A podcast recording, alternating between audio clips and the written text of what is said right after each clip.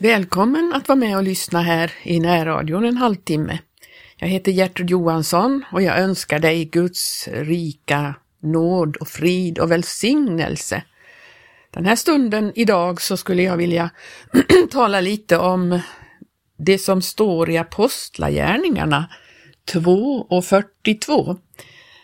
Jag har ju talat här om eh, den andliga striden i närradion och jag har talat också om den kraft vi får ifrån Gud till att bli hans vittnen.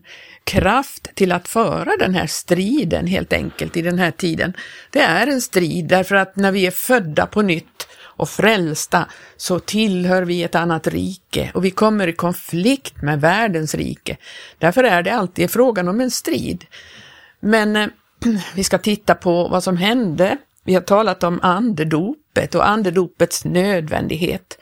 Det var så viktigt så att Jesus sa att eh, vänta tills ni får den här kraften, det som Gud har utlovat. Han sa också så här, för att han berättade ju för lärjungarna att han skulle gå bort, han skulle eh, lämna dem.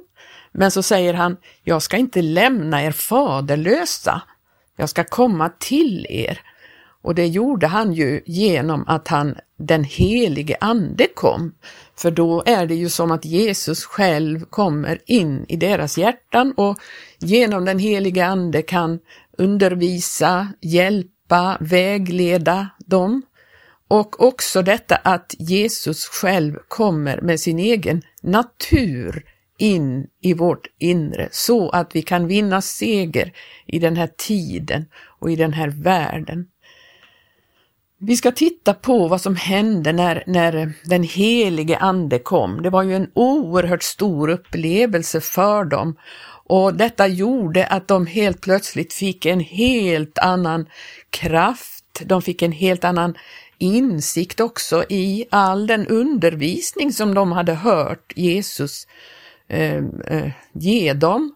De hade lyssnat på Jesus i tre och ett halvt år. De hade, de hade verkligen fått mycket undervisning, men den helige ande som kom gjorde att de fick mycket större förståelse för vad Jesus faktiskt menade med sin undervisning.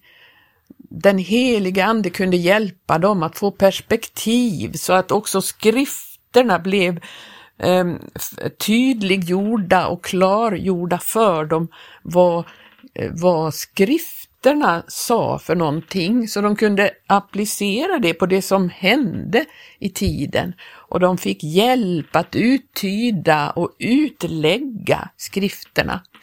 Det här var ju apostlarna, men så var det också Eh, 120 stycken som var samlade där och så blev de uppfyllda av den helige ande. Och det blev som ett stort dån som kom när den helige ande föll. Och de eh, talade då eh, tungomål, de talade om Guds väldiga gärningar. Och detta blev ju en stor händelse. Och detta innebar ju då att Petrus kunde hålla den här enorma predikan som han han, eh, vi kan läsa om i Apostlagärningarna 2, där han verkligen talar om vad, vad är det som händer nu och vad är det som har hänt. Och han kunde visa på eh, skriftställen och han kunde berätta för dem vad de skulle göra, för de hörde på honom så fick de ett stygn i sina hjärtan, sina hjärtan står det i 37 versen. Och då sa de till Petrus och de andra apostlarna, bröder, vad ska vi göra? De, de blev helt ställda och tänkte, vad, hur ska vi nu bete oss? Hur ska vi, vad ska vi göra? Och då säger Petrus till dem så här, gör bättring och låt alla döpa er i Jesu Kristi namn till era synders förlåtelse. Då ska ni såsom gåva undfå den helige Ande. Det fanns en väg för dem att gå, gör bättring. Och det, det ordet kan också eh, ibland översättas eh, omvänd er. Helt enkelt så att man går på en väg och så vänder man om och går åt ett helt annat håll. Omvänd er, gör bättring. Nu ska ni inte längre gå åt det hållet som ni går, ni ska gå en helt annan riktning. Omvänd er och låt alla döpa er. Dopet var ju då en, en, en verkligen en ny början i deras liv till era synders förlåtelse. De, de blev förlåtna för den synd de hade begått när de eh, förkastade Jesus och lät honom bli korsfäst. Men de fick syndernas förlåtelse om de gjorde det här och då skulle de också undfå den helige Ande. Och så säger han så här, ty er gäller löftet och era barn, jämväl alla de som är i fjärran, så många som Herren vår Gud kallar. Och detta, då förstår vi att detta handlar inte bara om dem på den dagen där, utan det gäller i alla tider. Jämväl alla dem som är i fjärran, så många som Herren vår Gud kallar. Kallelsen går fortfarande ut till människorna att omvänd er, låt döpa er och då ska ni få den helige Ande som gåva. Detta löfte gäller även oss i den här sena tiden. Och då står det att de som då tog emot hans ord lät döpa sig och så ökades församlingen på den dagen med vid pass 3000 personer. Här ser vi att församlingen ökades. Alltså, det är många som säger att församlingen föddes på pingstdagen, men eh, församlingen fanns ju redan. Det var en församling som Jesus hade eh, omkring sig och som samlade sig i eh, övre salen och bad dess, till dess att den helige ande föll över dem. Så man kan säga att det fanns en församling, men på den här dagen ökades församlingen. Och så står det då i 42 versen. Och dessa höll fast vid apostlarnas undervisning och brödragemenskapen vid brödsbrytelsen och bönerna. Dessa höll fast vid, alltså alla dessa människor som nu hade omvänt sig, blivit döpta och kommit till tro, de höll fast vid de här fyra tingen.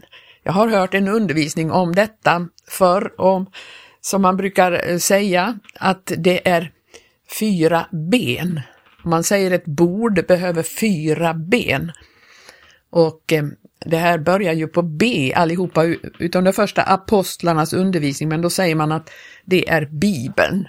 Det är klart att det är Bibelns undervisning.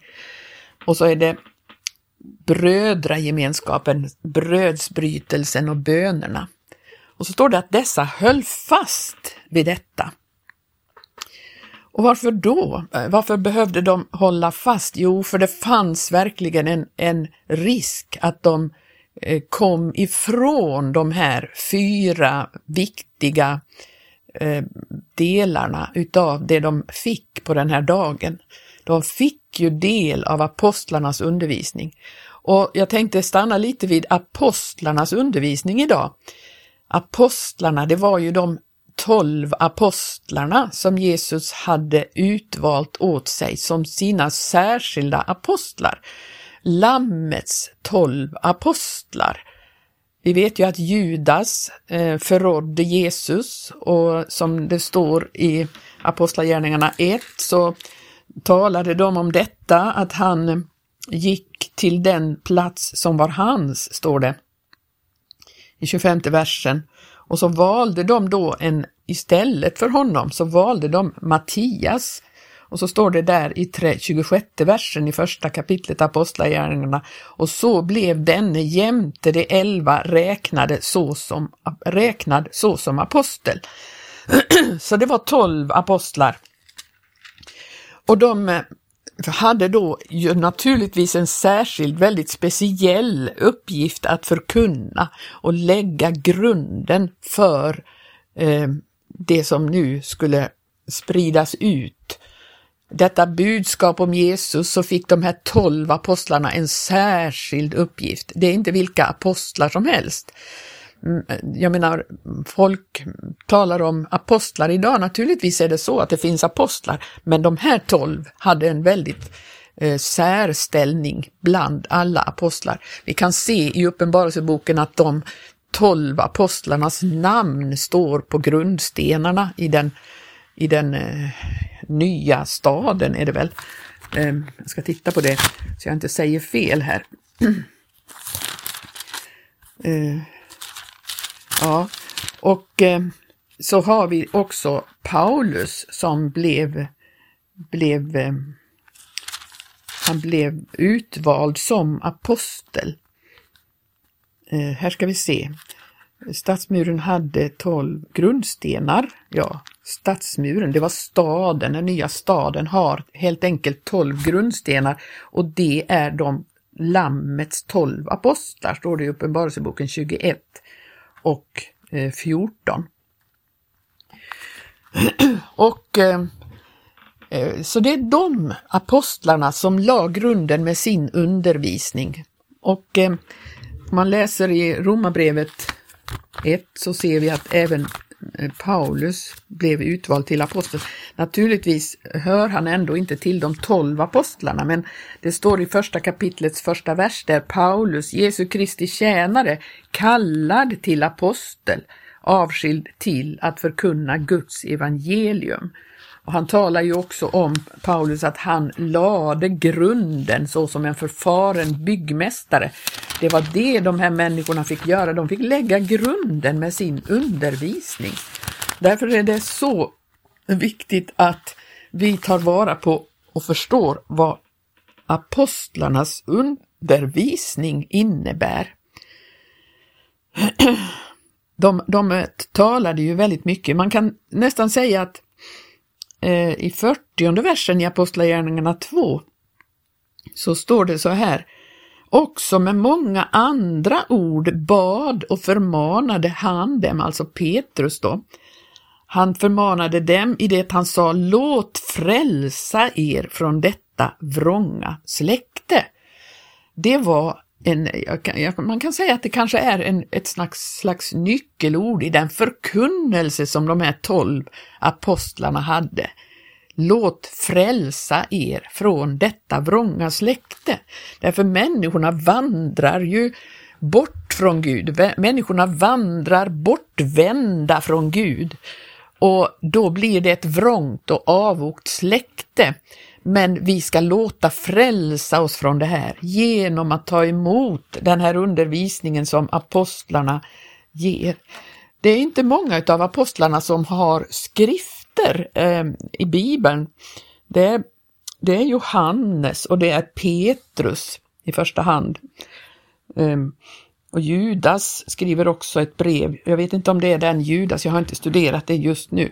Men vi ska titta lite på Petrus undervisning, eh, vad han undervisar om i första Petri brev. Han har ju två brev i eh, Nya testamentet, Petrus. Han eh, var ju verkligen en, en eh, utav nyckelpersonerna för att eh, öppna evangelium för, även för hedningarna.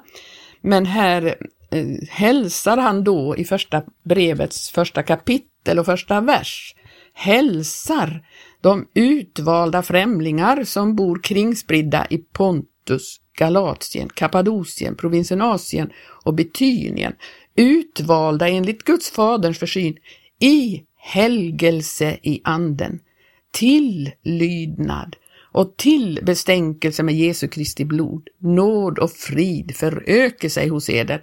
Han hälsar de utvalda främlingarna.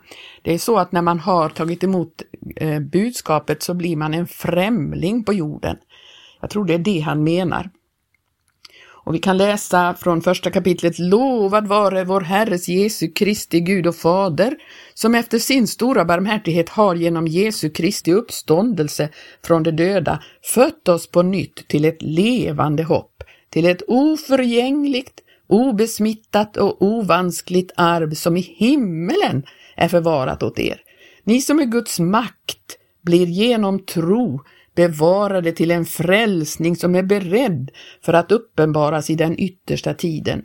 Därför må ni fröjda er, om ni också nu en liten tid, där så måste ske, lider bedrövelse under allehanda prövningar, För att om er tro håller provet, vilket är mycket mer värt än guldet som förgås men som dock genom eld blir beprövat, detta må befinnas lända er till pris, härlighet och ära vid Jesu Kristi uppenbarelse.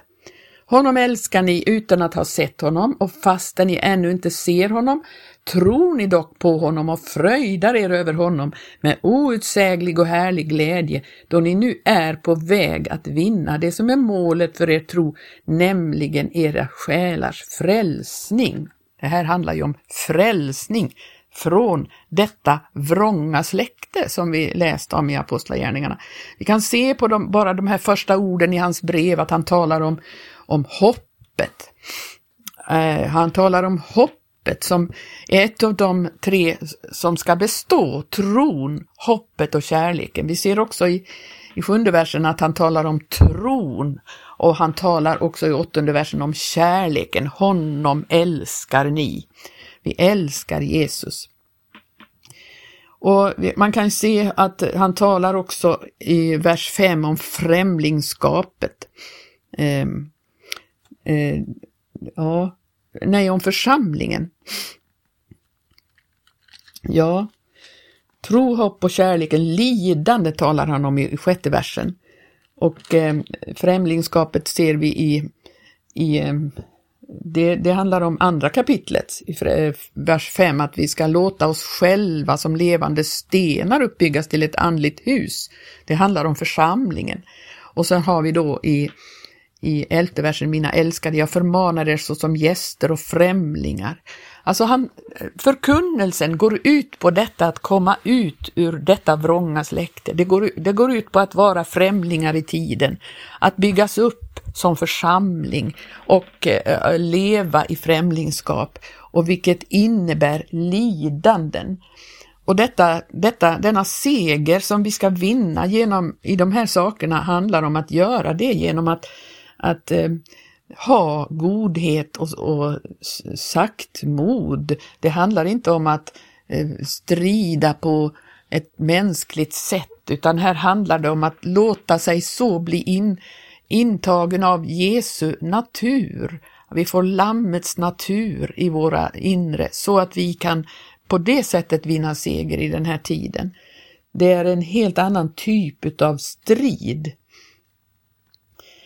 Ehm, detta handlar första brevet väldigt mycket om. Det handlar om hur vi ska kunna bli mer och mer lika Jesus. Det står i första kapitlets 22 vers rena era själar i lydnad för sanningen, till oskrymtad broderlig kärlek och älska varandra av hjärtat med uthållig kärlek. Det behövs uthållig kärlek. Det behövs eh, att vi älskar av hjärtat. Det handlar om hjärtat hjärtats förvandling, att hjärtat blir så för, förändrat och förvandlat att vi kan älska. Vi kan till och med älska våra fiender.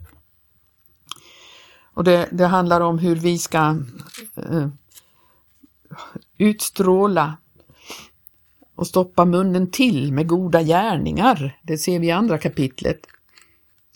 Så är Guds vilja, 15 versen, att ni med goda gärningar ska stoppa munnen till på oförståndiga och fåkunniga människor. Det handlar om underordnandet och det handlar om att också vara tålig i lidandet. Eh, Petrus skriver om lidande en hel del. Det handlar om ett lidande i den här tiden. Men eh, detta lidande får vi erfara därför att vi, vi eh, Eh, blir så ett med Jesus som fick lida i den här världen. Jesus säger ju så här att i världen lider ni betryck, men var vid gott mod, jag har övervunnit världen. Hans natur i oss gör att vi på samma sätt kan övervinna i världen. Ja, det står till och med i tredje vers, kapitlets sjuttonde vers, det är bättre att lida för goda gärningar om så skulle vara Guds vilja än att lida för onda. Kristus själv led ju en gång döden för synder. Rättfärdig led han för orättfärdiga på det att han skulle föra oss till Gud. Ja, han blev dödad till köttet, men till anden blev han gjord levande. Ja, och i fjärde kapitlet så står det också om eh, att vi ska väpna oss med samma sinne. Jag har varit inne på de tankarna förut i fjärde kapitlets första vers. Då nu Kristus har lidit till köttet så väpna också ni er med samma sinne. Och så vidare. Eh, ja, vi skulle kunna ta fram väldigt mycket här, men vi ska också titta, i, alltså nämna helt hastigt om andra brevet. Petrus andra brev. Han eh, talar mycket om eh, Eh, varningar då för för eh, villfarelser, varning för falska apostlar, varning för falska lärare, falska profeter. Och så det handlar väldigt mycket om de yttre farorna. Eh, första Petri brev handlar om hur man vinner seger i det inre, i sitt hjärta, i sitt sinne och sin, eh, ja, Eh, i sin egen natur, hur den nya naturen tar gestalt. Andra brevet handlar mer om de yttre hoten, de yttre svårigheterna med falska bröder. Falska profeter. Men eh, vi får hålla ut och så står det i sista kapitlet där eh, att eh, nya himlar och en ny jord där rättfärdighet bor förbidar vi efter hans löften, står det i Petri andra brevs tredje kapitel och trettonde vers. Därför, mina älskade, eftersom ni förbidar detta, ska ni med all flit sörja för att ni må för honom befinnas vara obefläckade och ostraffliga i frid. Och så vidare. Vi hinner inte läsa så mycket mer idag, men vi ser att apostlarnas undervisning, den var en skarp förkunnelse som tog itu med egoismen i människans liv. Och vi löper alltid fara att dragas ifrån den uppriktiga troheten mot Gud. Det står det i andra Korinthierbrevets elfte vers.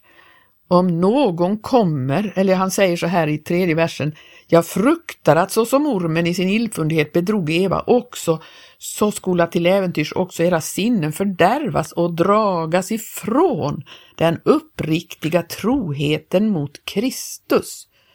Om någon kommer och predikar en annan Jesus än den vi har predikat, eller om ni undfår ett annat slags ande än den ni förut har undfått, eller ett annat slags evangelium än det ni förut har mottagit, så fördrar ni ju sånt allt för väl. Det var därför de första kristna måste hålla fast. Det fanns sånt som ville draga dem ifrån och det är en fara för hela den eh, alla frälsta människor, att man dras ifrån. Och därför får vi göra som de första, vi får hålla fast vid detta budskap som apostlarna gav ut. Vi är inte, det är inte så att eh, vi ska eh, förändra budskapet så att vi blir vän med världen och blir oförargliga i, i världens ögon. Nej, vi måste ha en sådan um, ha en sådan skärpa i vårt liv att vi syns som, o, um, som fiender till världen.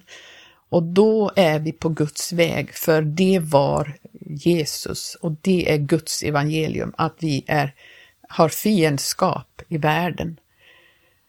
Jag har försökt att säga lite för att vägleda dig som, som eh, behöver förstå den kamp vi har att utkämpa här i tiden.